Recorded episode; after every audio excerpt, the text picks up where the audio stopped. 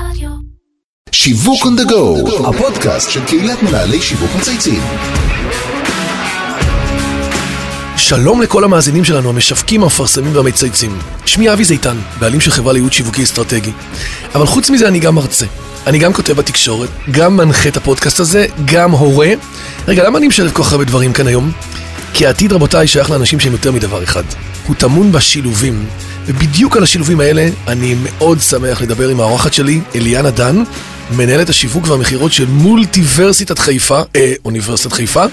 אהלן אליאנה, מה שלומך? מצוין, אבי, מה שלומך? מצוין, אני שמח שאת כאן. גם אני שמחה.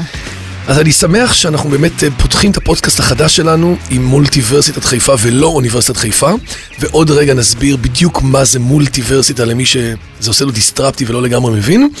אבל לפני, לפני אליאנה, אני תמיד שמח להתחיל בבך, באנשים. בסוף זה אנחנו כולנו אה, פרסונות עם סיפורי חיים מעניינים. מדי שבוע אנחנו מארחים כאן אנשי שיווק לשיחה שמשלבת בין אישי למקצועי, מדברים על שיווק, על חדשנות, מקבלים הרבה השראה. אז אני אשמח לאפשר למאזינים להכיר אותך, לשמוע קצת על הקריירה שלך, על הפן האישי, על העבודה שלך כמנהלת שיווק, מכירות, על הרקע. בקיצור, דברי אלינו. טוב, אז uh, במסגרת המולטיברסיטה, אני אתחיל מכך שההכשרה הפורמלית שלי היא לא בתחום השיווק. Uh, יש לי תואר ראשון ושני במשפטים. וואלה, אה, ראשון ושני במשפטים. כאילו היית כבר מכוונת למסלול אחר לגמרי. אה, לא מכוונת, אבל אה, בהחלט אה, כלים שימושיים לעבודתו של מנהל שיווק. לפני אוניברסיטת חיפה עבדתי לא מעט שנים בתחום הפסיכומטרי, ולכן המעבר לאוניברסיטה היה מבחינתי מאוד טבעי בתור התחנה הבאה. יפה.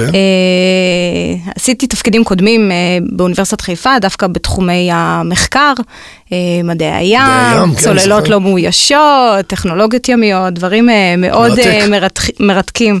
לפני אה, שנתיים וחצי אה, קיבלתי את התפקיד של אה, מנהלת מערך הגיוס והשיווק של אוניברסיטת חיפה, שזה בעצם המערך שאחראי אה, על כל הנושא של גיוס סטודנטים לאוניברסיטה, גם הפרסום, גם המכירות, המוקד הטלפוני, בקיצור, הקמפיינים. מנהלת, מנהלת העסקים במרכאות בעולמות שלנו, היא בעצם זאת שמכניסה, גם מוציאה אבל גם מכניסה את הכסף לארגון, נכון? בעצם מגייסת סטודנטים, אנחנו לא משמרת. ניכנס כאן לתוך, לכל אה, מודל עם התגמול של אוניברסיטאות, אבל בהחלט אה, רכיב ההוראה כן. והסטודנטים זה חלק הארי.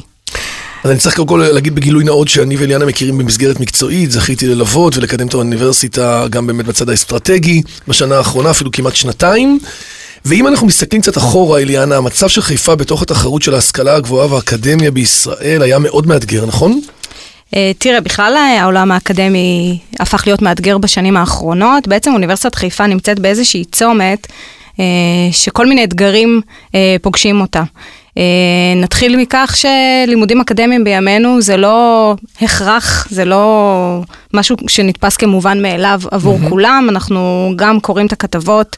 אה, שיש מקומות עבודה, עבודה שוויתרו על דרישה של- לתואר אקדמי אה, בתור דרישת סף. גם בתחום של אוניברסיטאות מול מכללות. זאת אנחנו אומרת, רואים... תואר בכלל, תואר. באוניברסיטה מול המכללה, נכון, והנדבך השלישי בעצם נוגע גם למיצוב של חיפה. לא רק אוניברסיטת חיפה, אלא המיצוב של העיר חיפה. כן. בתור עיר אה, שמושכת אה, צעירים אליה. לגמרי. אוניברסיטת חיפה נמצאת שם אה, בצומת המאוד סואן הזה. לגמרי, זה ממש כאילו שלושה עיגולים עם אתגרים גדולים. זאת אומרת, יש חיבור בין תדמית העיר לבין המוסד שיושב בתוכה, כמו תל אביב או באר שבע, שמאוד משפיע אחד על השני. נכון. אז בעצם על רקע המציאות הזאת צמחה לה אסטרטגיה חדשה, שקוראים לה מולטיברסיטה, שהיא כבר דיסטרפטיב בעולם השיווקי שלנו.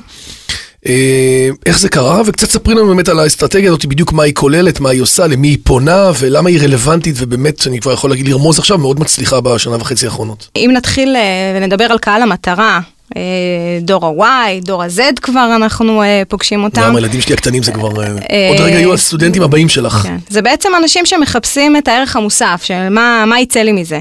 אה, הם יודעים שכבר את אותם מקצועות שהעובדים, ש- שההורים שלהם אה, למדו ועבדו את כל הקריירה שלהם בתחום אחד, במקצוע אחד, קריירה של 30-40 שנה, זה כבר לא מובן מאליו, והם מחפשים איזשהו תואר שיכין אותם אה, לעתיד. העתיד הזה אנחנו לא כולה, עוד לא יודעים מה הוא יכלול, מהם המקצועות שיישארו, מהם נכון. המקצועות שיעלמו, מהם המקצועות הבאים שאנחנו עוד לא מכירים אותם, ובעצם הבנו שאנחנו צריכים לתת לסטודנטים שלנו הכשרה שונה.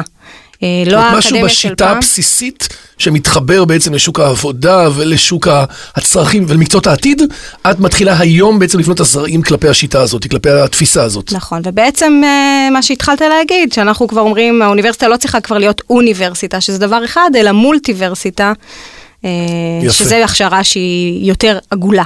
כן. זאת אומרת שבעצם אם אני מסתכל על תפיסת הערך, איזה מענה זה נותן לסטודנט בעולם החדש, יש כאן משהו שהוא הרבה יותר מולטי דיסציפלינרי בתפיסה, זאת אומרת אני נותן לו משהו שהוא יותר אה, רחב בהכשרה שלו. אולי תפרטי טיפה קצת על השיטה בעצם, איך השיטה עובדת, ומה מחר סטודנט פוטנציאלי מוצא במולטיברסיטה שאין בה אוני. כן. אז קודם כל אני אציין אה, ואומר שהמולטיברסיטה בעצם התחילה באוניברסיטת חיפה בהקשר הגיאוגרפי. אוניברסיטת חיפה... אה, נדל"נית, את אומרת. לא נדל"נית, אה, גם בהיבט הנדל"ני, אבל גם בכלל אה, בהיבט של אה, לקרב את אוניברסיטה. אה, מולטי קמפוס. לעוד מקומות, הנושא של מולטי קמפוס, מי שמכיר את אוניברסיטת חיפה, אנחנו יושבים במקום מדהים. הכי אה, יפה בארץ. ברומו של ההר, אה, אבל החיבור שלו עם העיר אה, בעייתי. אה, האוניברסיטה פתחה קמפוס אה, בעיר התחתית של חיפה, שזה אזור שהוא מאוד אה, מתפתח, אה, נגיש לרכבת, ויש, עוד? כל, ויש כן. עוד, עוד תוכניות אה, להתרחבות, אה, גם לגליל, אה, גם מחוץ לישראל, קמפוס אה, בסין. אה, ובעצם את הנושא של ההתפרסות, אה, של הפריסה הגיאוגרפית, בעצם אנחנו גם אה, המשכנו את השם בעצם מבחינת שיטת הלימודים שאנחנו מציעים, שיטת המולטיברסיטה, שבעצם אה, מורכבת משלושה רכיבים. אה, שלושת הרכיבים, קורסים לעולם החדש, שילובי חוגים והתמחויות, אה, והקניית כלים יישומיים. אוקיי. הרכיב הראשון של שיטת האוניברסיטה מדבר על אה, שילובי חוגים והתמחויות, שרכיב זה מדבר על כך שסטודנט יכול ללמוד גם וגם.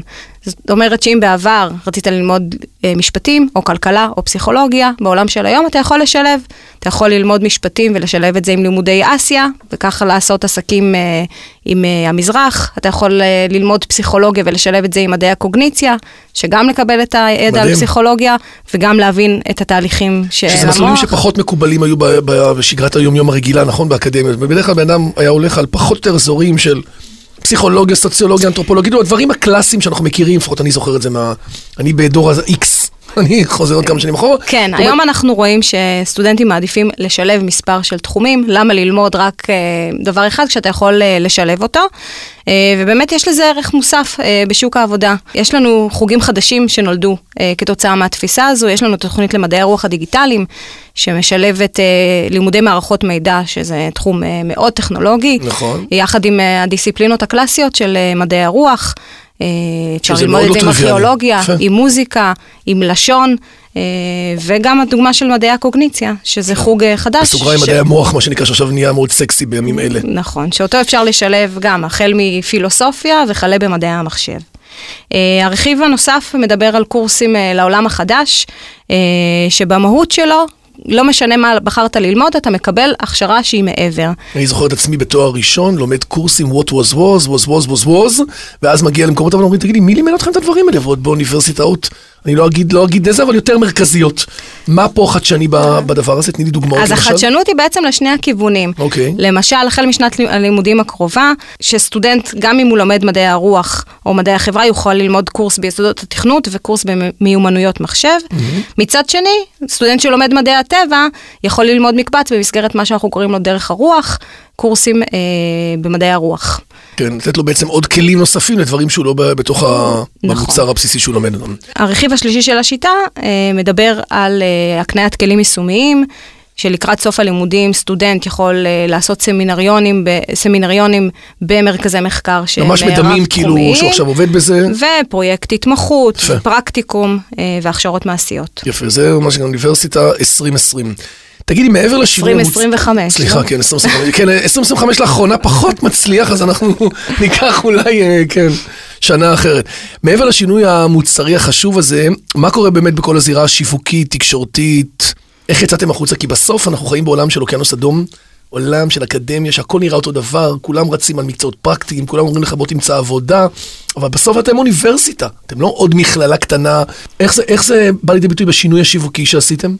אז אנחנו בעצם עשינו גם אה, מולטי קמפיין.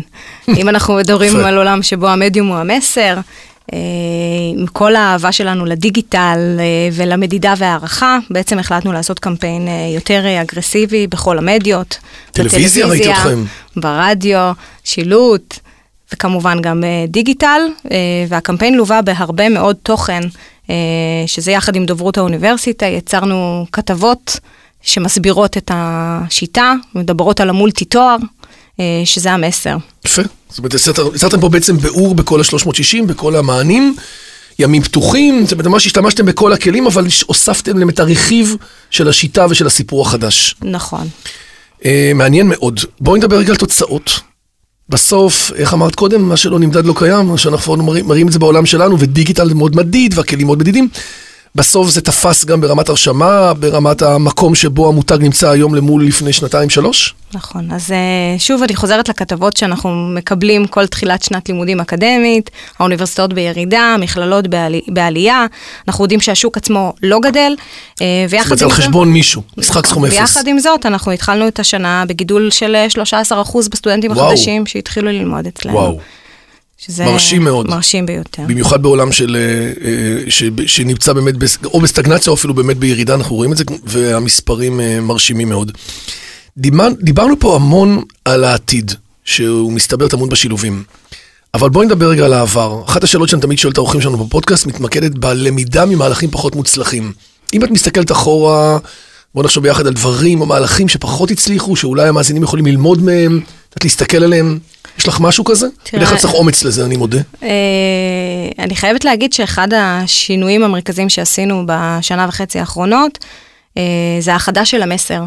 אה, דווקא מהלכים קודמים, שבעבר היינו מדברים מצד אחד על מצוינות מחקרית, ומצד שני על אה, סטודנטים מגוונים, ועל יחס אישי, ועל המרצים הכי טובים, ראינו שככל שאנחנו מבלבלים את הקהל, Too much, הופך עם, busy. עם ריבוי מסרים, באמת אנחנו, כשאומרים הכל, זה כמו לא להגיד כלום. נכון. ברגע שאנחנו עשינו האחדה של המסר אה, ממקום אמיתי, ובעצם הצלחנו לייצר אה, בכל שרשרת אה, התקשורת one השיווקית. voice על כל הפעילות השיווקית. נכון. וזה מאתגר, כי את אומרת, מדובר פה בהמון אה, דיקנים ופקולטות שונות ותחומים שונים ולימודים. זאת אומרת, את מחזיקה בעצם ארגון ענק מבחינה שיווקית. נכון, זה לא יש עכשיו, לנו- יש לי טונה, או יש לי איזה מוצר קטן, או איזה... יש לנו מע- מעל 60 חוגי לימוד אה, באוניברסיטה, כשאם אתה פורט את זה לתוכניות לימוד, לתואר ראשון ולתארים מתקדמים, מדובר פה על מאות רבות של אה, תוכניות, אה, והצלחנו לייצר איזושהי שיטה ש, של לעשות האחדה,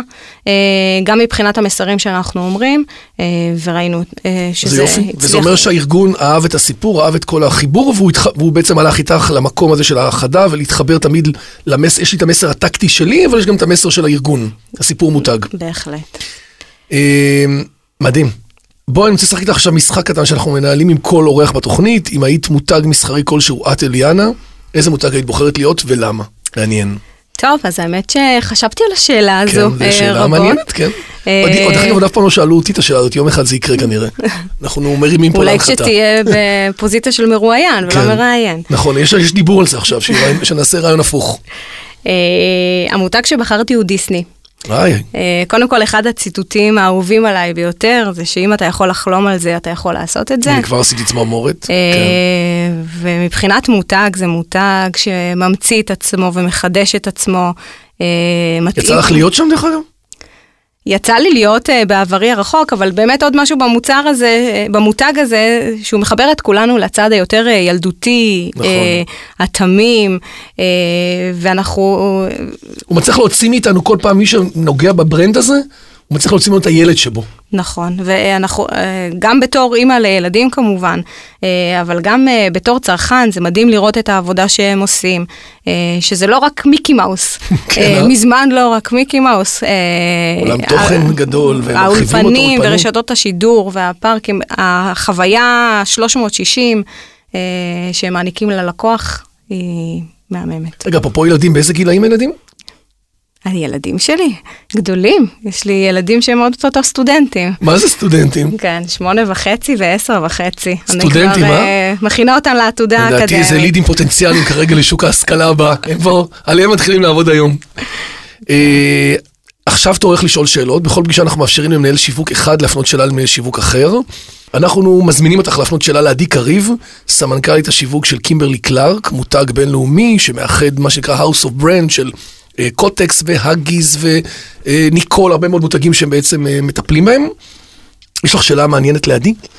אז דיברנו כאן הרבה על חדשנות. נכון. אה, ואותי מעניין לדעת אה, איך, אה, איך היא מצליחה לייצר חדשנות מתמדת בעולם שבו כולם כבר ראו הכל, שבעו מהכל, קשה מאוד לרגש אותו. שאלה מצוינת, במיוחד בעולם של מוצרי צריכה, שאנחנו רואים גם מותגים פרטיים וגם כל הזמן ניסיונות לפתח עוד, לענות על עוד צרכים ועוד דברים, איך היא בעצם מתמודדת עם האתגר הזה של חדשנות כל הזמן, וזה בטח אחד הערכים גם אני זוכר של קימברלי קלארק. אנחנו נפנה את זה לעדי. אני רוצה להזכיר למאזינים שלא רק אליאנה מפנה שאלות, גם אתם יכולים לשלוח לנו גם שאלות וגם מרואיינים שהייתם רוצים לראות בעתיד. אז uh, עד כאן שיווק on the go להיום. אליאנה, תודה רבה. היה לנו פודקאסט, או כמו שקוראים לזה בעברית, הסכת, uh, מלא שילובים ומלא בכל טוב, נורא מעניין, איך באמת בונים אסטרטגיה של מוסד אקדמי רב שנים. אני רוצה להגיד תודה לכל מי שהשתתף והוביל את הפרויקט שלנו, לאמיר שניידר, לירן פורמן וטל ספיבק, דרור גנות מאדיו, וכמובן איתי סוויסה שמארח אותנו באולפני ביזי. הפעם, אני חייב להגיד, זו פעם ראשונה שאנחנו באולפני הקישון, הקישון הטוב, לא הקישון הרע בבני ברק. אה, אני מאחל לכולכם להמשיך לצייץ שיווק, שיהיה לכם שבוע מולטי נהדר, ואליאנה, אנחנו נמשיך אה, לראות אתכם אה, מעל, נוס... מעל המדיה, מה שנקרא, את כל הפעילות הבאה. בהחלט, תודה. שיהיה. שבוע טוב. שבוע תודה. תודה.